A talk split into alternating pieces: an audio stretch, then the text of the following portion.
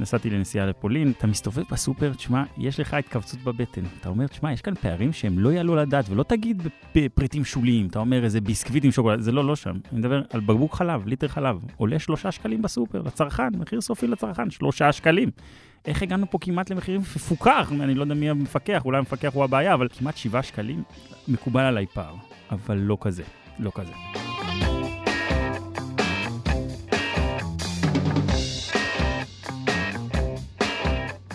ברוכים הבאים למרקרים, פודקאסט סוף השבוע של TheMarker. ההזדמנות שלכם לקחת פסק זמן ממחזור החדשות היומיומי ולצלול איתנו לאירועים, לאנשים ובעיקר לרעיונות מאחורי החדשות. כאן באולפן איתכם כמדי שבוע, ענת ג'ורג'י וגיא רולניק.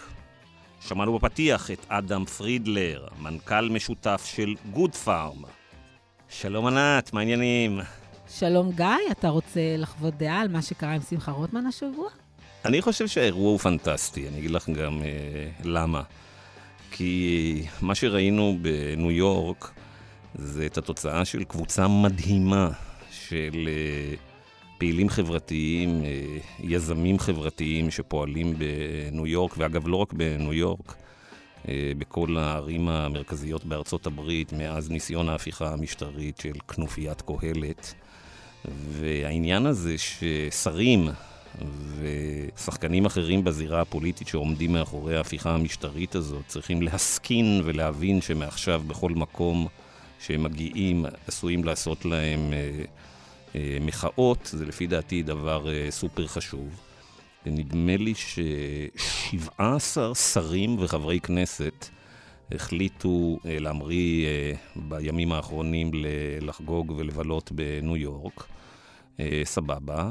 פה יש הרבה אנשים שדי חרדים ממה שמתרחש במדינה, הם מרגישים שהם צריכים לעשות איזה טור דה פורס בניו יורק עם האוהדים שלהם, וטוב מאוד שיש מי שמחכה להם, אה, מחכה להם שם.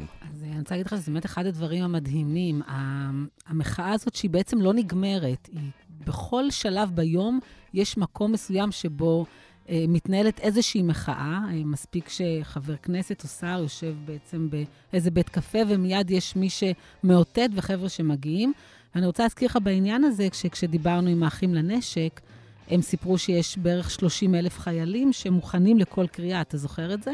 כן, בטח. אז זה נראה כאילו אה, זה באמת קורה בשטח. אני חושבת שזו פעם ראשונה שיש באמת כזאת מחאה מתמשכת, ומה שנראה כמו אה, מחאות מאוד גדולות במוצאי שבת, נהפך להיות סוג של אה, מלחמת התשה בלתי נגמרת. כן, כמו שאמרת, העניין הזה שיש פה כל כך הרבה פעילים חברתיים שעובדים מסביב לשעון בדבר הזה הוא די... אה, אני לא חושבת שזה היה מעולם, בשום לא, מחאה לא היה, לא שום הייתה. דומה, שום דומה, אין דבר כזה. וכל פעם שמדברים על המחאה שדועכת, אז באמת רואים פה משהו שהוא מאוד מאוד נחוש. אני חושבת שזה מייצר איזשהו סנטימנט ציבורי כנגד ה... ההפיכה המשטרית. בניו יורק, אגב, יש קבוצה מאוד uh, פעילה ואקטיבית של uh, אנשי uh, מחאה שעושים דברים uh, מדהימים. לא בניו יורק, אבל בלונדון. נכון. אז כמעט בכל מקום שאליו מגיעים שרים או חברי כנסת, אתה רואה את זה. כן. וזה באמת uh, מטורף, ההיקף של זה. והעובדה שזה מפושט ולא לא, לא מאורגן. מספיק שבן אדם אחד מתריע, מגיעים המונים אחריו. כן, אז, אז אה, צר לי על אה, שמחה רוטמן שהיה צריך אה, לעמוד בדברים האלה, אבל טוב מאוד ששמחה רוטמן מבין שמחכים לו בכל פינה ובכל מקום, ויש רק לברך על כך. על מה אנחנו מדברים היום, ענת? סוף סוף, אחרי שחמישה שבועות, נכון, דן? דן, ככה מעריך, אני אומרת לך שצריך לדבר על יוקר המחיה. כן. והגיע הזמן לדבר על יוקר המחיה, וכדאי שנדבר על יוקר המחיה. החלטנו לדבר על יוקר המחיה. נכון, אנחנו רוצים לדבר על זה כבר הרבה זמן, אבל בגלל ההפיכה המשטרית, ראינו שאנחנו תמיד מדברים על ההפיכה המשטרית, בהכל, הכל קשור בהכל, אבל השבוע החלטנו שזהו, צריך לעשות את זה. אה, אני לא זוכר מה היה, אני זוכר ששלחתי לך, ראיתי איזה קטע באחד העיתונים שצוטטו נכון. שם, צוטטו שם אה, אה, המנכ"לים המשותפים של רשת גוד פארם.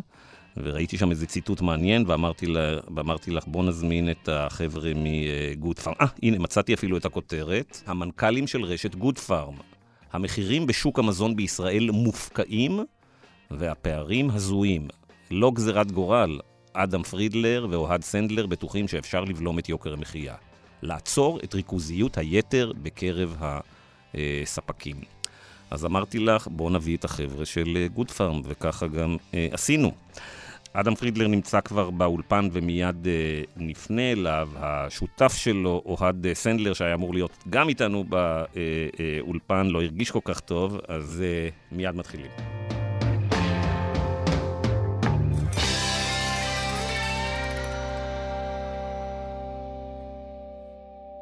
שלום לאדם פרידלר.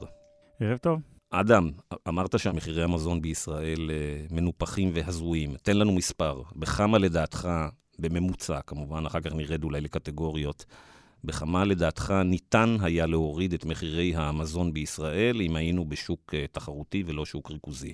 אה, אני מעריך שעשרות אחוזים, התשובה היא עשרות אחוזים, ואני מדבר על... עשרות זה 20, 30? לא, 30, 30, 40 אחוז.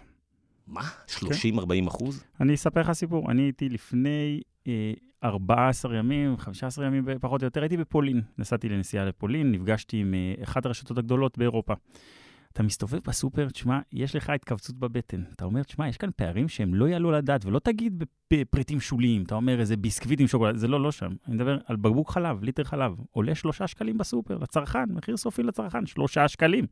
איך הגענו פה כמעט למחירים מפוקח? אני לא יודע מי המפקח, אולי המפקח הוא הבעיה, אבל אולי נדבר על זה עוד מעט, אבל, אבל כמעט שבעה שקלים זה too much. אתה הולך ל, ל, לקטגוריות, גבינה צהובה, גבינה לבנה, לא דברים שוליים. אתה אומר, זה, זה, זה, אין בית בישראל, אלא אם כן תחדשו לי, ש, שלא מחזיק את, ה, את, ה, את הפריטים האלה. ואתה שואל, למה יש פער כזה גדול? והתשובה עליה, בואו נדון עליה היום. אני חושב שיש כמה תשובות לשאלה הזאת, אבל, אבל יש התכווצות בבטן שהיא לא נעימה. אתה, אתה מסתכל, אתה אומר, אני מקובל עליי פער. אבל לא כזה, לא כזה. אוקיי, okay, אז נניח שניר ברקת, אני לא יודע אם שמעת, אבל ניר ברקת לפני uh, שבועיים הודיע שהוא רוצה לפטר את uh, יושב ראש רשות התחרות. אנחנו בדה-מרקר ביקרנו בצורה די חריפה בשש-שבע שנים האחרונות את רשות התחרות. עם זאת, חשבנו שברקת רוצה לפטר את uh, מיכל כהן רק בגלל שהוא מחפש שעירה לעזאזל או שעיר לעזאזל, אבל נניח שמחר ניר ברקת היה ממנה אותך להיות... יושב ראש רשות התחרות, או ראש אגף התקציבים באוצר, תבחר אתה, תגיד לי מה הם שלושת הצעדים שהיית עושה כדי להוריד את מחירי המזון בישראל. תראה, נתחיל, נתחיל מה, מהאשמה הגדולה, ואתה יודע, אני, אני בדיוק קורא בימים האלה על, על, על המינוי של הוועדה ליוקר המחיה, ואתה יודע מה האבסורד בדבר המצחיק הזה? שתראה, רוב האשמה שבסוף ביוקר המחיה בישראל זה היא המדינה בעצמה. וקצת מצחיק שכאילו המדינה ממנה ועדה של עצמה, וכאילו התוצאות צריכות להיות שהבעיה היא, היא באנשים שממנים אותם, אז איך, איזה מין ועדה זאת שדנה כאילו בבעיות שעושים האנשים שמינו אותם, הרי מינו אותם, אז, אז ברור שזה לא יוביל לשום מקום. אז אני לא רוצה גם שירתמו כבר את הוועדה הזאת ויתלו בה איזה תקוות, כי אני לא מאמין שיצא מזה שום דבר, בגלל הבעיה המבנית הזאת. אוקיי, בישראל יקר, כי הכל יקר פה, בסדר? המע"מ פה מאוד מאוד גבוה, יש, אין מע"מ דיפרנציאלי על כל מיני קטגוריות שאתה אומר, הייתי פשוט מוריד אותם, ונתחיל מהדברים באמת הבסיסיים ביותר. מזון לתינוקות. אני חושב שאנחנו נסכים ולא נתווכח שזה לא מוצר שהוא לא מותרות, נכון? זה, זה משהו שחברים, בשביל להוריד את זה, ישר אני הייתי מוריד את המע"מ. מוריד מכסים, יש מכסים על קטגוריות לא קטנות במדינה, שיפרקו את המחירים לחתיכות. אני לא יודע אם אתה זוכר, במקרה קרפור הודיעו שנכנסו לישראל לפני איזה אה, חודשיים, שלושה, ואז פתאום ראו שמן זית ב-11.90. ואז כולם התפלאו, וואו, הנה קרפור הגיעו וזה שמן זית ב-11.90. והרי זה היה הונאה, מה זה הדבר הזה?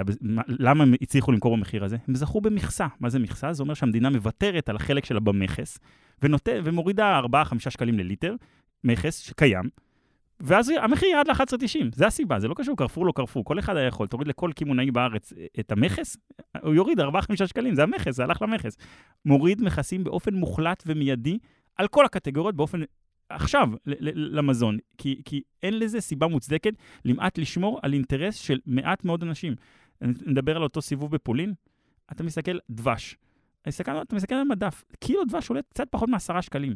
זה עולה פה בישראל מעל 40 שקלים. דבש, אם אני לא טועה, השוק נשלט 50% אה, מהשוק על ידי יד מרדכי, שזה שם קוד לשטראוס. אוקיי, אתה, אתה, אתה בדיוק חוזר לנקודה הזאת שנייה, ללמה, לסיבה השנייה של למה יקר פה, אבל, אבל בראש ובראשונה זה כל המיסים של המדינה, וזה מתחיל מרשות מקרקעי ישראל שמוציאה קרקעות ביוקר, שמתגלגלות לנכסים יקרים, שמתגלגלות לשכירויות יקרות לקמעונאים או למי שיושב ומוכר בסוף את הסחורה. זה ממשיך בדלק, וזה ממשיך, ממשיך אה, אה, במע"מ, כמו שאמרתי, במיסים, במכסים. בישראל יקר מאוד לנהל עסקים, ולכן יקר בישראל. הדבר השני, שבישראל הוא חריג ואין לו אח ורע, אני לא יודע מעולמית, אבל בוא נגיד בכל מדינה מתוקנת, זה ריכוזיות יתר בקרב ספקים. אז, אז אדם, אני רוצה רגע לעצור אותך לפני שאנחנו נכנסים לריכוזיות במשק, ולהתעכב עוד דקה על העניין של התפקיד של המדינה. אה, בשרשרת האספקה של כל מוצר יש הרבה מאוד גורמים שגוזרים קופון. כשמורידים מכסים, הרבה פעמים החלק הזה מתחיל להתגלגל בין כל בעלי התפקידים, ומעט מאוד מגיע לצרכן. עכשיו, יש פה הרבה מאוד מוצרים שאין עליהם מכס.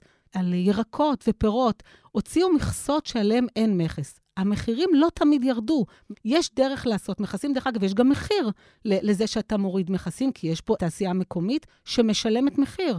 חקלאים משלמים מחיר. יש פה ענפים שנסגרים או ממוטטים לגמרי. יש עניין של ביטחון תזונתי. אה, אז, אז על המכסים, אני חושבת שאפשר אולי, לפני שמדברים על הורדת מכסים, יש פה שוק שהוא מאוד בעייתי, האופן שבו הוא מתנהל, הפיקוח על הדרך שהשוק הזה מתנהל, וכל עוד זה נעשה כמו שזה נעשה היום, כשאתה מדבר על הורדת מכסים, אתה לוקח uh, סיכון שמי שירוויח בסופו של דבר, יהיו אלה בדרך, היבואנים ו- ומפיצים וכל אני, מי שבדרך. אני, אני, אני מקשיב לך בקשב רב, ואני אומר לך, you cannot have it all. שוק קמעונאות, אני מכיר אותו די טוב, בסדר? אני חי אותו, אני חי אותו כבר לא, לא מעט שנים, ואני נמצא עם, עם אנשי המפתח שמובילים אותו באופן צמוד, יומיומי, שעתי. השוק הזה הוא מאוד מאוד תחרותי. התחרות בקרב הקמעונאים היא אדירה, ולראיה, כמעט כל הגדולים, בוא נגיד, הם חברות ציבוריות. את רואה את שיעורי הרווח בקרב הקמעונאים הגדולים. אנחנו מדברים על 2, 3, 4 אחוז אה, אה, אה, רווח לקמעונאים הגדולים. רווח תקין לכל הדעות. אני חושב שזה רווח לגיטימי, נגיד את זה ככה, אתה מנהל עסק, אתה אמור להרוויח. נראה לי שיעורי רווח מאוד מאוד מאוד תקינים בקרב הקמעונאים. זה אומר שיש תחרות. אז, אז את צודקת, ייפגעו אנשים, אני, אני לא מתעלם בזה, ונשבר לי הלב לרסיסים, אני יודע מה זה להיות עצמאי, ואני רואה אנשים ש, שבנו קריירה על אה, שדות של, של שום, ואני אומר, כואב לי הלב לראות שאין לזה היתכנות. אבל אין לזה היתכנות. אנחנו שואלים האם לשמור על אותם איקס משפחות, שזה איקס בדיד, בסדר? זה מספר כנראה בדיד, או לפגוע בתשעה מיליון אנשים שיקנו פה מוצרים במחירים מופקעים. אני בוחר בתשעה מיליון אנשים, וכואב לי הלב. אני נפגש עם משפחות היום שהשכר שלהם הוא לא נמוך, ולא סוגרים את החודש. אי אפשר, אי אפשר להמשיך להתעלם ולעצום את העיניים, להגיד הכל, בסדר, הכל לא בסדר. בואו נחזור לרשימה של הנושאים. אה, אז אמרנו אחד, אתה אומר אה, להוריד אה, מכסים, ענת אמרה, אוקיי, צריך גם לוודא שהורדת המכסים, לא אחר כך נראה שהכל יישלט על ידי קומץ יבואנים, שיחזרו ל... שבעצם המצב יהיה כמו אצל היצרנים המקומיים, גם יהיה אצל שורה של יבואנים יבואנים בלעדיים. נחזור לזה, אבל בוא תמשיך עם הצעדים שלך. אמרתי, מע"מ דיפרנציאלי, הייתי, הייתי בודק באיזה קטגוריות, תשמעו, אי אפשר, הגענו למחירים לא ריאליים ובהם מטפל, ואני אומר עוד פעם... אבל אז כמובן צריך למצוא מקורות אחרים נכון, למימון נכון, המיסים. נכון, אוקיי. נכון, נכון, נכון, נכון, נכון. פחות כספים קואליציוניים, למשל. בהיבטים האלה הייתי מטפל עוד פעם בבית המדינה, והתחלנו בסיפור של הספקים. אני, אני, תראו... בואו נדבר על הספקים, היצרניות. בסוף אתה הולך, את הזכרת מה, תה, קפה, כל מה שאמרתי, מה שאני אמרתי, גבינה לבנה, גבינה צהובה. את יודעת שבכל הקטגוריות שאמרנו כרגע, את יודעת שיש שניים עד שלושה ספקים עם 100% נתח שוק. 100% נתח שוק, שניים או שלושה ספקים, בכל מה שהזכרנו. ככה זה נראה. זה, ו- ו- וזה, את לא תמצאי במדינות אחרות. ו- ואני מכיר ואני מדבר עם קמעונאים בכל העולם, זה, זה לא קיים, ו- ו- ו- וזה מצב לא תקין. הדרך להוריד, הכי טובה להוריד מחירים, זה לעודד תחרות. תחרות היא הדבר הכי טוב שיש. רגע, בוא נגיד את השמות שלהם רק לצורך העניין. אנחנו מדברים על אה, נסטלה, שקנתה את אה, אוסם, אנחנו מדברים על אה, שטראוס עילית ועל שלל העשרות מותגים שלה. אנחנו מדברים על החברה המרכזית למשקאות קלים, אנחנו מדברים עם, על יוניליבר, ומי החמישית, ש... ותנובה כמובן. חמשת השחקנים האלה מחזיקים בערך 50% ממה שאנחנו רואים כשאנחנו נכנסים לכל סופרמרקט. זה היצרנים המקומיים, יש לך גם, המשק נשלט גם על ידי קבוצה מאוד מצומצמת של יבואנים. היבואנים הבלעדיים, כן. היבואנים, כן, שאתה מדבר על, אתה יודע, אתה כן. מכיר את השמות. כן. שסטוביץ', דיפלומט נכון, ושוב. ליימן שליסל, כל החבר'ה האלה. בסופו של יום מדובר בעשרה שחקנים, והם שולטים בשוק, הם שולטים בסופר. כשאתה אה, בא לנהל משא ומתן עם אחד כזה, זה לא משא ומתן. משא ומתן זה שאני ואתה, כל אחד יש לו פחות או יותר אותו כוח, ואנחנו נגיע בינינו להסדר. במקרה הזה זה לא משא ומתן מאוזן, בסדר? הם גדולים ממך. הם, אתה תלוי במגוון קטגוריות ענק. אתה לא יכול לריב על מחיר של דורדורנט, כשזה אותו אחד שאתה צריך גם, אם תריב איתו, ותמיד, אני לא רוצה לקנות את הדורדורנט הזה. אחלה, אבל מה תעשה עם הפסטה, עם הפתיתים, עם הפירורי לחם, ומה תעשה עם השמן? ומה... זה אותו אחד. אתה מדבר עם אותו אחד על כל הקטגוריות האלה. אז, אז זה, זה, זה בדיוק ההגדרה לריכוזי מדי וגדול מדי, ומשהו שלא מאפשר לעשות משא ומתן. ולכן, אין באמת משא אז ומתן. מה אתה מציע? מה היית עושה? איך היית מפרק את הריכוזיות של החבורה הזאת? יש כאן המון המון דרכים. אה, תן אה, שתיים. אה, היה, עלה איזה רעיון שהיה ברור שהוא לא הגיוני, להגביל את הקטגוריות שבהן יש חופש העיסוק. בסוף אתה לא יכול להגיד לבן אדם, כן תמכור ביסקוויטים ואל תמכור תה. בסדר? זה, זה, זה לא ריאלי, הוא ימכור מה שהוא רוצה, כי להגביל אנשים מה לעשות זה לא חכם. כלי שהוא יחסית וולונטרי, ודיברנו עליו ממש לפני כמה רגעים, בוא נגיד זה מכסים. להגיד, אתה שומע, אם אתה, יש למוצר הזה רק בעל רישיון אחד, מה זה אומר? שהלכה למעשה אתה כאילו, אתה יבואן בלעדי. אתה, יש לך, רק, רק לך יש את היבוא על המשחת שיניים הזאת. אם יש אחד, המכס הוא 300 אחוז. אבל אם יש שני, שני יבואנים רשומים על, על, על הברקוד הזה, מכס אה, 100 אחוז. אם יש שלושה יבואנים, 0 אחוז מכס. אתה תעודד גם אותם, להביא עוד אלטרנטיבות. אה, אה, ומכס הוא דבר וולונטרי, המדינה יכולה לקבוע מחר כן יש, זה מחר אין, זה, זה יחסית דבר... אתה בעצם רוצה לחסל את הבלעדיות באמצעות אה, מיסוי דיפרנציאלי. יכול, כן, ב- אוקיי. במילים אחרות, אני חושב שזה, שזה דרך, לדעתי, זה, אני חושב, מה שמצאתי, ואני באמת למדתי, לא העמדתי את זה בהתחלה, אבל, אבל עם זה אתם פתחתם, שאני עוד לא דיברתי, ודיברתם על הביקורת הציבורית ועל כל מה שקרה, אני לא יודע, ראיתי את מרד הפסטה או, או, או המעורבות, אבל הציבור הלך עם קשב למקומות אחרים כרגע, ויש את כל הסיפור של הרפורמה המשפטית הזאת, כל הדבר הזה, שהציבור פשוט עסוק בזה כרגע ולא עסוק ב- ב- ביוקר המחיה, ולכן יש שקט. כשהציבור מעורב, אתם רואים שהוא נותן גב בעצם לקמעונאים, או לריב גם איתם ביחד. כשזה לא מעניין אף אחד, זה לא מעניין אף אחד, ואז נאלצים לקבל את זה, כי זה לא משא ומתן, כמו שאמרנו, אה, אה, אה, ישיר. אז, אז אני חושב שלציבור יש חלק אה, אה, אה, מאוד מאוד אה, אה, אה, עיקרי בדיון הזה, ואנחנו כבר ראינו הלכה למעשה מה, מה אה, מרד כזה ואחר הוביל, והוא, אני אומר לך, מחדרי חדרים ממשאים ומתנים, הוא עושה עבודה.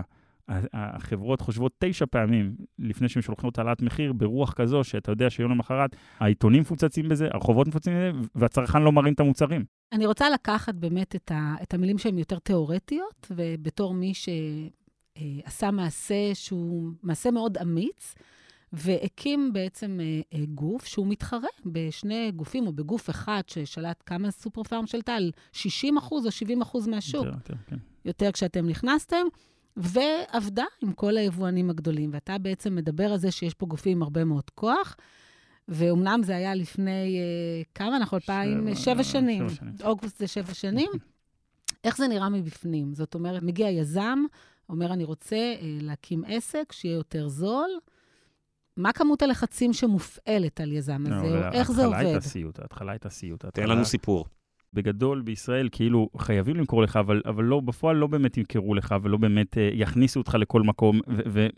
ויש כאן הרבה מאוד בעיות. השוק, אגב, הוא ריכוזי לא רק במזון, אלא... מה למשל? תן לי דוגמה של מישהו שניסה, אתה לא יכול להגיד, אתה לא חייב להגיד שמות, שביקשת לקנות ממנו והוא אמר, אני לא מוכר לך. בהחלט, יש כאלה. יש כאלה ספקים גדולים, גדולים מהרשימה שדיברנו עליהם, שהם לא מוכרים, הם לא, הם לא רצו למכור לי בתחילת הדרך. למה? כי עשיתי בלאגן במחירים. ועכשיו אתה עובד עם הספקים האלה? היום אני, תראה, אבל היום אני לא קטן, היום אי אפשר לדעת, היום בגדול, הם, הם צריכים אותי. אז יש משא ומתן, אני אגיד לך שהוא מאוזן, אבל, אבל אי אפשר להתעלם לי. יש היום נתחי שוק ממש, אני, אני חלק ניכר, יש קטגוריות שיש לי נתחי שוק גדולים היום אה, במדינה, אפשר לראות את זה בסטורנקסט. אה, אה, אז, אז היום אני עובד כמעט עם כולם. כמה אחוזים היום אתה מהיבואן הרשמי, וכמה אחוזים אתה מדרך היבוא המקביל? אה, סדר גודל, היבוא המקביל הוא סדר גודל של 30 אחוז. אה, הוא טיפה נפגע עכשיו בתקופה הזאת, בגלל, בגלל שסיפור המטבע נהיה פחות כדאי לקנות בחו"ל, אה, בגלל שסיפור המטבע מאוד מאוד משפיע פה על, על הדבר הזה, וכל עוד יישאר ברמות האלה זה ילך ויקטן, כי המתמטיקות בסוף, תבינו, עלייה של שיעור מטבע ב-15%, זה אפקטיבית, אני מפסיד 15%, כלומר, אם אני לא מגלגל את זה אף אחד, הפסדתי 15%, וזה לא, אתם, אתם מכירים שיעורי הרווח שלנו, זה לא, זה, 15% זה, זה, זה יותר, זה להיות הולך דול, זה לא, זה, זה יותר מלהיות הולך דול. אתה יודע, הייתי היום באחד הסניפים שלכם, ואני חייבת להגיד שזה מקום באמת נורא כיפי, כי כאילו לא הרגשתי שדופקים אותי במחיר, רוב המחירים באמת מאוד זולים. והחלטתי לעשות איזה ניסוי קטן עם עצמי, ולנסות לראות אם אני יכולה לזהות מה זה יבואן רשמי ומה זה יבואן מקביל, והדרך היא נורא פשוטה, כי מה שעולה יקר זה יבואן רשמי. וגיליתי באמת שבמוצרים הגדולים, פלמולי ודן שולדרס, זה המחירים לא מאוד רחוקים. ממחירים של הרשתות האחרות, יותר זולים, אבל לא בפערים. זאת אומרת, ההתחייבות לעשרה שקלים שאיתה יצאתם לדרך, היא כבר לא קיימת היום. ו- ואז חשבתי שבאמת שיצאתם לדרך, בוא נגיד, עד שרמי לוי אה, קנה את השליטה, הייתם אז עם תשעה סניפים, היום אתם כמה? 55, שישה סניפים. לא, זה מטורף, כי כשאני בדקתי, לדעתי זה 53, אז זה כאילו בסוף הפודקאסט אולי תהיו 60. לא, אתמול בבוקר פתחנו סניף, בקריית מלאכי, אז אני יודע, אז... כן, רק באשדוד סגרתם, שזה... זה הסניף היחיד שסגרנו ברשת, אגב, בכל הרשת. פעם אחת סגרנו סניף, זה היה באשדוד באמת. כן. אז חשבתי זה שבעצם ככל שאתם תגדלו, והיום אתם באמת מאוד גדולים, היכולת שלכם להתבסס על יבוא מקביל, שהאספקה היא לא רציפה, ויש באמת הרבה אלמנטים של אי-ודאות, היא תלך ותקטן, וככל שהיא תלך ותקטן ואתם יותר תתבססו על יבואן רשמי, אתם באופן טבעי תעלו יותר את המחירים. ואני רוצה לשאול אותך אם לא צריך להגיע, אולי לא חושבים להגיע לאיזה נקודת שיווי משקל, שממנה אתם בעצם תהפכו להיות כמו הרשתות האחרות. מבחינת המחירים. אם אנחנו נהיה כל הרשתות האחרות, איבדנו את הערך של העסק הזה, ואני כאן בגלל הערכים. אבל ככל שאתה גדל, לא ככל שאתה גדל, אין לך ברירה בעצם. יש, יש, יש, את צודקת שיבוא מקביל נהיה הרבה יותר קשה כשאתה נהיה גדול, זה נהיה הרבה יותר קשה והרציפות של הסחורה אה, אה, אה, קשה. אבל אגב, פתחנו פשוט ענף, ולא, ואני חושב שלא סיימתי קודם, אתה שאלת על עוד דרכים, והיה לי להשלים לך עוד דרך, ו, ו, ו, וזה גם יענה לך פשוט על השאלה של היבוא המקביל. יש פה פשוט חוקים, סלחו לי על המילה, אני מקווה שהיא מספיק ראויה, אבל מטומטמים, ש, שמקשים עלינו בכל הדבר הזה. אני, אני מציע חוק הכי פשוט בעולם. עם הברקוד הזה, אותו ברקוד שאני רוצה להביא מחו"ל, נמכר. אנחנו נסכים שבוא נגיד, אה, לא יודע, אלדי, לידל, רשתות ענקיות בגרמניה, בצרפת, בקרפור. אם הוא נמכר בקרפור בעולם, אני יכול להביא את המוצר. אני רוצה שנעשה עם המדינה הסכם, שמה שטוב לכל צרפת, טוב לישראל. שחטו אותי עם סיפור של חיתולים. הבאתי חיתולים שקניתי בצ'כיה. האגי זה מותג המוביל בישראל, מהווה נתח שוק קרוב ל-70 אחוז. זה אותו אגיז, אותו דבר. מה, מה התינוק של הצ'כי שונה מהתינוק הישראלי? למה טוב להם... אה, יש יש, לתינוק הישראלי יש ישבן אחר לחלוטין. אני, אני שתו לי את הידיים קש סביב הנושא הזה של היבוא וההכנסה שלהם לארץ. אתם לא רוצה להגיד לכם, המחיר שתכננתי במקום המחיר שאני מוכר הלכה למעשה הוא בערך כפול, בגלל בירוקרטיה הזויה, הזויה, הזויה, שאני אומר, בואו נעשה ברית בינינו ונבין שאם זה טוב שם, זה טוב פה. תפסיקו, אנחנו לא חכמים. אדם, כשאני נכנס היום לסופר פארם, אוקיי? אה, איפה אני יכול לראות, כשאני מסתכל אה, בסופר פארם, שינוי משמעותי לעומת סופר פארם של שבע שנים לפני שאתה הגעת? תראה, אני, אני לא נוטה לבקר אותם, אבל אני, אני אענה לך על זה בדרך אחרת. לא, ההפך, באתי להגיד משהו חיובי עליהם. האם אני יכול לראות קטגוריות שהם הורידו מחירים בצורה משמעותית? אתה יכול לראות סניפים קרובים, שאנחנו קרובים אחד לשני. שהם סניפים באופן אבסולוטי יותר זולים מסניפים אחרים. אה, אה, אתה יכול לראות, יש פתאום איזה קניונים שאנחנו נמצאים ביחד באותו קניון, זה דבר ש, שלא נמצא, אני נמצא רק בשני קניונים, אז זה בדיוק שניהם. אתה תראה אז שם הם מורידים מחירים. אבסולוטית. זה, זה, ומה אנחנו חוזרים? שאלת אותי קודם, תחרות. תחרות זה דבר טוב. ואגב, אני לא בטוח שמיום שנכנסתי לקניון, המכירות שלהם נפגעו, אני לא משוכנע בזה. אני חושב שהם... נש... כי אתה יותר ער, ואתה יותר נותן מבצעים לצרכן, אתה מוכר, אתה לא נפגע במכירות, הכל בסדר. אני חושב שתחרות זה דבר טוב, זה משאיר את כולם ערים, הצרכן נהנה מזה, אתה מוכר טוב, המדפים מלאים, יש עושר, הצרכן נהנה וכולם נהנים. בגלל זה אני, אני מאוד בעד תחרות. מתי ו... תגיע למצב שבו, אני לא יודע, כמה אחוז מהמוצ... כמה מהמוצרים שנמצאים בסופר פארם אתה, אתה מוכר? תראי, הם מחזיקים בתי מרקחת שלי אין, אז, אז בהגדרה חלק ניכר לא נמצא אצלי. מה עם תוכניות שלך להיכנס לבתי מרקחת? התחילו כבר, לא? אה, עשינו עכשיו, יש לנו פיילוט ראשון, שבאמת פתחנו פעם ראשונה בית מרקחת אה, ראשון אה, בקריית מוצקין לפני שבועיים, שלושה, פעם ראשונה עשינו את זה, אבל אני לא יכול להגיד, זה לא אסטרטגיה עדיין להיכנס, זה עסק שהוא עסק בתוך העסק. אה, אני לא יכול לקרוא לזה עדיין אסטרטגיה ואיזשהו משהו שזה, אני בודק, לומד, אני בעיקר מסתכל כרגע על עולמות הקנאביס. אתם מדברים עם קופות החולים על זה? אנחנו לא מצליחים לדבר עם קופות החולים. למה? גם, גם בית מרקחת היחיד שיש לנו, קופות החולים לא, לא, לא הסכימו לקבל את המרשמים שלהם שם. יש להם אינטרס משל עצמם, יש להם אינטרס של עצמם. יש לי, כי אם תלך לסניף שלי בקריית מוצקין, אז במרחק הליכה של דקה וחצי יש גם, אה, לא יודע, מכבי פארם שם, אז, אז אין להם אינטרס, הם כתבו לי שיש קרוב אה, קופת חולים, אז הם לא רוצים לתת לי גם לזה, כי הרי ברור שאם יהיה לי גם את מה שיש במכבי וגם את המחירים שלי, אז יקנו רק אצלי, אז אני מניח שאין להם אינטרס. אז אני רוצה להגיע איתך, אה, אנחנו מדברים באמת על האסטרטגיה שלכם, ואתם לא נמצאים בעצם במסחר האלקטרוני.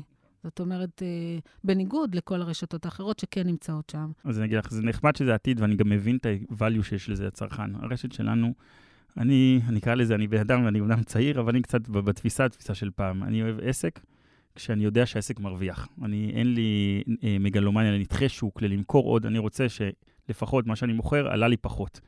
ואני. אני מרוויח בשולי רווח נורמליים כמו זה, אבל תחום האונליין בישראל, בתחום של מזון ופארם, מפסיד כסף. אי אפשר להרוויח כסף. על אחת כמה כשמוכרים במחירים מאוד מאוד זולים.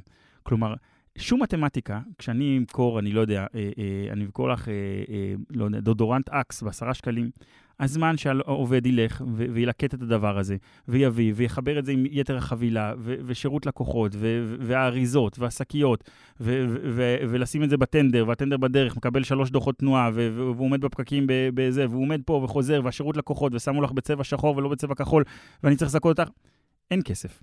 אם את יכולה לראות מובהק, את יודעת, אפשר לראות, אה, מה, מה היה כתוב עכשיו בדוחות האחרונים של שופרסל שפורסמו הרבעוניים, כתבו שהיה מעבר בין הפסד לרווח, בין הרבעון הקודם לרבעון הנוכחי, כיוון שהיה קיטון של 2% בפעילות האונליין. אפשר לראות שאת פעילות האונליין מעיבה על כל הקמעונאים הגדולים, על רמי לוי, על ויקטורי, על, את רואה ככל ששיעור האונליין עולה, הרווחיות הולכת וקטנה, זה פשוט מעיב כי קשה מאוד להרוויח כסף באונליין. בפריטים שהם זולים, כלומר, משהו מאוד משפיע זה, זה, זה מחיר פריט, והנגזרת שזה, שזה סל, אוקיי? אה, בסוף, כשאת חושבת על מוצר אלקטרוניקה, שקונה לפטופ אה, ב-KSP ב-4,000 שקל, את מבינה שהפעולה הרבה יותר קלה לשלוח לך 4,000, את יודעת מה קורה שאת עושה הזמנה בגוד פורם 4,000 שקל? יש לי חצי מהמחסן עובד בשביל ללקט לך את ההזמנה הזאת, מושבת, אורזים את כל הדבר הזה, ככל מיני טעויות, כל הבלאגן הזה בעצם לא יאפשר ולא ישאיר לנו כסף. וגם אם תגידי לי, אוטומט, אוטומציה, ניסינו אוטומציה, בסדר? זה עדיין לא מביא לתוצאה שונה באופן מהותי, ולכן כרגע אה, אני לא רואה פתרון. ככל שהליקוט ו/או ההפצה לא ירדו באופן ניכר, העלויות שלהם, אני לא, אני לא רואה כניסה לאונליין. אדם, אה, לפני אה, משהו כמו חמש שנים מכרת, אתה ושותפך, חצי מהחברה לרמי לוי, בעשירית מהשווי הנוכחי שלה. עשיתם טעות?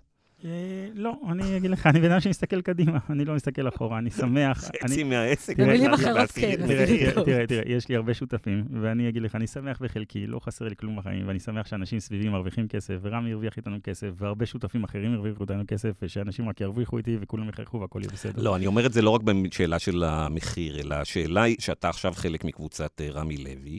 שלה יש, אה, היא כבר, זו קבוצה מאוד מאוד גדולה, עם כל מיני מערכות יחסים, עם הרבה מאוד שחקנים אה, אה, גדולים, למשל עם ספקי המזון. והשאלה שלי היא, האם העובדה שאתה חלק מרמי לוי לא מונעת ממך בעצם להמשיך ולחדור לקטגוריות חדשות בצורה אגרסיבית ושונה?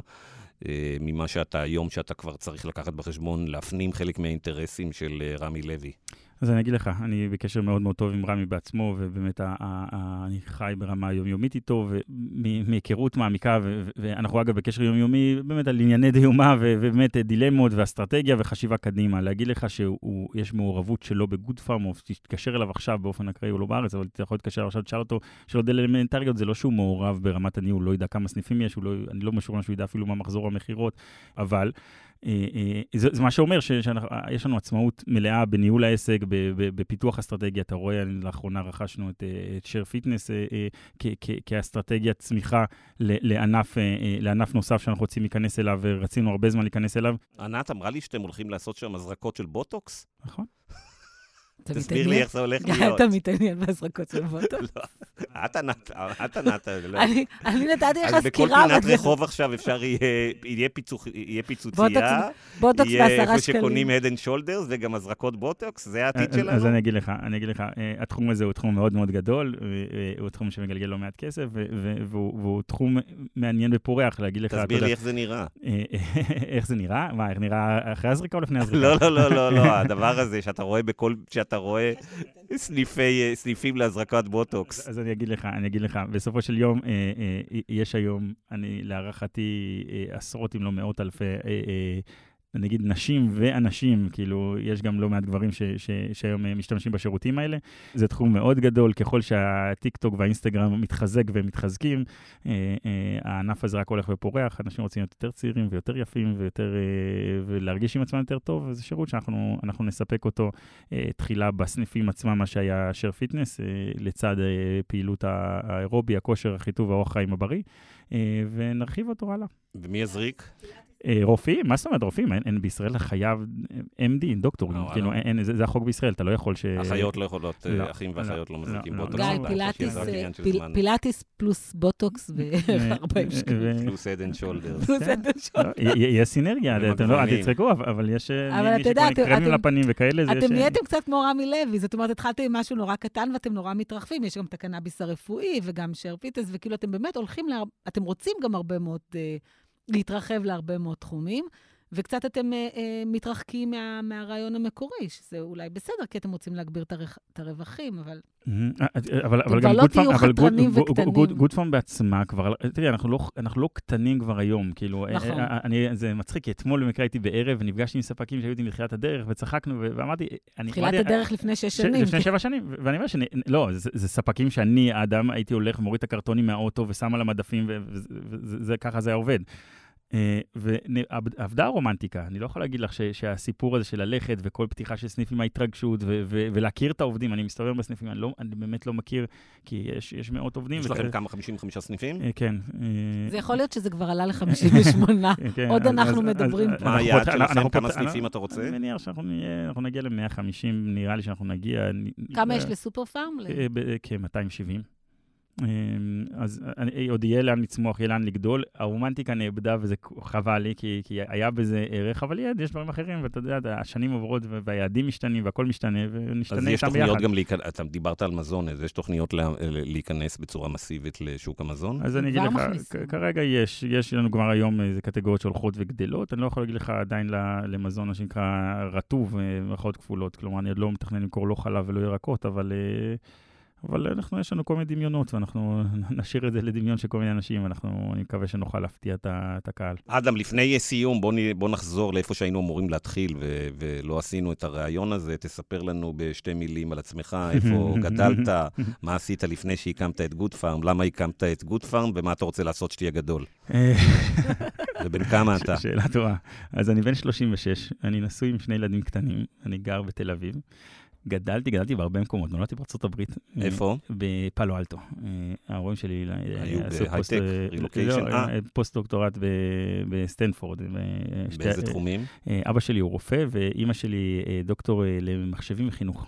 אה, שני אנשים רציניים, ואתה. הולך ונהיה סוחר. אתה יודע, זה אבא שלי. זה מה שהם רצו שתהיה. זה אבא שלי תמיד היה אומר, בתחילת הדרך, הוא היה אומר, תגיד לי, איך הולך לך בסופר הזה? זה, ועד היום לא... הם לא מאוכזבים. סגור. אה, אני- אל תצחק. ביום שמכרנו אני לרמי לא לוי.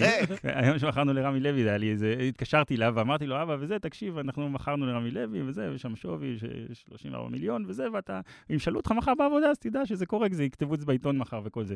"אה, אה, טוב, חמודי, אני פה עם הפציינטים, אני אדבר איתך. זה- זה היה רמת ההתייחסות, הכל טוב, אני אני אוהב, אני בקשר מצוין עם אבא שלי והכל בסדר. אה, אה, אבל באמת, יכול להיות שאני כבשה שחורה, יש לי הרבה באמת רופאים, אנחנו הרבה דורות של רופאים אחורה, אז אה, אבא שלי רופא, דוד שלי רופא. בשביל זה יש. הזרקות, גיא. זה- אז- אני משכנע את אבא שלי לבוא לעשות הזרקות, אבל אבא שלי חושב שזה לא ראוי לרופא זה, אז הוא אומר שזה תחתית הרפואה, אז הוא לא רוצה להשתתף בחגיגה. אמרתי לו, אבא צריך אולי גם הוא להרוויח, צודק, אני לא. להרוויח כסף, אז הוא אומר שזה התפקיד שלי. אמ, אז... אה, הבנתי, אוקיי, אז אה, הבנו איפה גדלת בפאלו אלטו, ואז... זה, זה, וגדלתי במבשרת ציון חלק, אה, אוקיי. וחלק קטן מהילדות. הוא חובב את בית"ר ירושלים, ולכן הרשת צבועה בצהוב בוהק. אוללה. איך הגעת מפאלו אלטו לביתר ירושלים? גדלתי במבשרת, בגלל זה, אה, גדלתי אוקיי. במבשרת, אז בית"ר והפועל כן. וכדורסל, ובאמת, ובמהלך החיים, ההורים שלי התגרשו, אז בעצם עברתי להרצליה, ואז גדלתי חצי מהחיים בהרצליה. אה, ומתי החליטת שאתה רוצה להיות אה, רמי לוי של הפארמים? זה, האמת, התחושה הזאת, תראה, אני, סבא שלי, מהצד של האימא, דווקא היה סוחר כזה, הוא היה סוחר ותמיד היה, אתה יודע, סוחרים כמו של פעם, עם השטרות בכיס והגומיות וזה, וכנראה שהגנטיקה יותר הלכה מהצד של האימא מהצד של זה האבא. הדורות מדלגים, זה. דור אחד סוחרים, דור אחד רופאים, ואחר. כך שוב סוחרים. אז אולי ילדים, מה אתה רוצה שהילדים שלך יהיו סוחרים או רופאים? אה, עם הילדים, הילדים, כן, הילדים כבר אה, באמת אה, ייוולדו לקמעונאות ויעשו מה שהם רוצים, אני יודע, אני בעדם, ושיעשו מה שהם רוצים. אה, הייתי עוס- עוסק במיזמים מאז שאני זוכר את עצמי, אהבתי יזמות, הייתי, אה, עשיתי קורס, שנה ביזמות, אה, למדתי בתואר הראשון בבינתחומי שלמדתי חשבונאות, למדתי, אני בעצם, אה, אה, יש לי תואר בראיית חשבון, ואני גם רואה חשבון במקצוע. אה, אה, ואז באמת, אה, במהלך הדרך, אה, עשיתי התמחות בבנק השקעות ובגולדמן סאקס, אחרי עשיתי התמחות בדלויט, התמחת בגולדמן בארץ? בגולדמן בארץ. הייתי המתמחה הראשון בגולדמן בישראל. מה אתה אומר? כן, אז אוקיי. זה, ואז אחרי, אחרי זה בדלויט, ואז במהלך השהות בדלויט, איכשהו הוברגו הברגים, וראיתי ברקע את המחאה החברתית שהייתה, אז דברים האלה הובילו אותי למסקנה, ראיתי את סופר קופיקס קם, ואמרתי, בואנה, זה רעיון מצוין, רק בשוק מאוד מאוד תחרותי, כלומר, קשה מאוד להקים פה עסק, כי הם באמת, הם בעצמם רבים על אגורות במלפפונים ועגבניות. ואז אמרתי, טוב, יש פה שוק מאוד גדול. ואולי שווה לעשות מה שסופר קופיקס עשו, פשוט בעולמות של פארם. ועכשיו, אחרי שהצלחת, אתה לא שואל את עצמך, אולי הייתי צריך לעשות את כל הדבר הזה בפאלו אלטו או בניו יורק, ואז כל המספרים היו במכפלה של פי 100, ולא הייתי מתעסק עם... אני שמח בחלקי, אני שמח בחלקי. נראה לך שיש הבדל אם לבן אדם יש 200, שווה 200 או 400 מיליון שקל. אותו דבר, זה פשוט אותו דבר. אותו דבר? זה נראה, נפגוש אותו עוד כמה שנים ונראה. תראה, אני נכנס לאתגרים מקצועיים, אני לא יודע אם קניתי רשת אופנה לאחרונה, אני נכנס לאתגרים שמעניינים אותי ברמה מקצועית, אני לא... נכון, איתי, איתי איתי ברנדס, כן, אז, אז באמת אה, נכנסנו גם לתחום הזה. אתגר מקצועי, אנחנו רואים שם גם שחקן אחד מאוד דומיננטי בשם זרה. אמרנו שניקח אה, איזשהו נתח שוק מהנתח הזה, וקצת... אה, אוקיי, לא שאלנו אותך את השאלה המתבקשת, כי לא רצינו לסבך אותך, אבל בכל זאת נסבך אותך קצת לסיום. מה, מה עמדתך לגבי ההפיכה המשטרית בהיבט העסקי לפחות? אני לא רוצה לסבך אותך פוליטית. גם כשאנחנו מדברים על יוקר המחיה, אתה מדבר על ההפיכה המשטרית. תשמעי, ההפיכה המשטרית, רוב אנשי העסקים חוששים ממנה, והוא... תראה, כן. אני חייב להגיד, אני לא דן בפוליטיקה, אני לא מבין בזה, אני משתדל להתבטא בדברים שאני יותר מבין בהם, ואני לומד אותם ומכיר אותם. אני... אני, אני חושב ש, שיש פה יותר מדי אנשים שבאים לעשות רעש, ואנשים לא קמים בוקר לעבוד. אני, אני כן מוטרד מהסיפור הזה, אני רואה את, שע, את שער הדולר ש, שבאמת הולך ומזנק לו, שאני מבין שהוא איזושהי נגזרת של גופים זרים ש, שמוציאים מפה סחורה ולא רוצים בעצם אה, אה, לעבוד עם ישראל, וזה מטריד אותי. אני בעד שיתחילו להתעסק במה שבאמת חשוב. ספקים בחו"ל שאלו אותך על זה? לא, אני, אני חייב להגיד שלא. לא, לא, היה, לא היה דין ודברים אה, בנושא הזה. אה, לא, ממש לא. אני לא, לא בטוח שערים לזה שם, כמו שאנחנו עסוקים בזה פה. אני אומר, חברים, תגמרו את הסיפור הדבילי הזה ותקדמו בחיים, ת, ת, כאילו, תתחילו לעבוד במה שמטריד באמת ישראלים, ואני חושב שהישראלי שהולך בבוקר לסופר, העם הרגיל, עייף מהקשקושים האלה ו- ורוצה שיתעסקו בו ולא, ולא בדברים שבאמת מטרידים בעיקר את הפוליטיקאים ולא את, האזרח הרגיל.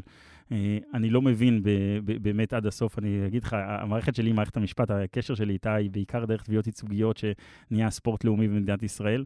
אה, המערכת תפוקה, לא עובדת טוב. אבל אני לא משוכנע שהרפורמה שאותה מציעים, זה מה שמטפל בבעיה שלי. אז זה מה שאני אומר, קטונתי ואין לי זה, אני פשוט קטונתי. יפה. אדם פרידלר, תודה רבה שבאת לאולפנינו. רשמנו לפנינו שמחירי המזון צריכים לרדת ב-30 עד 40 אחוז אם הייתה פה תחרות. אני מבין שתפקיד יושב ראש רשות התחרות אתה לא רוצה כרגע לקחת. עדיין לא. לא, ככה היינו מודיעים. כל מה שואל רמי, הוא רוצה להיות ראש הממשלה, הוא אומר, לא, אוי ואבוי. טוב, רמי כבר לא צריך, הוא כבר מעל ראש הממשלה עם, עם הסכומי כסף ש, שיש לו. אתה רואה איך נתניהו רץ אליו, אז אתה מבין כבר את uh, מערך הכוחות שם. תודה רבה. תודה.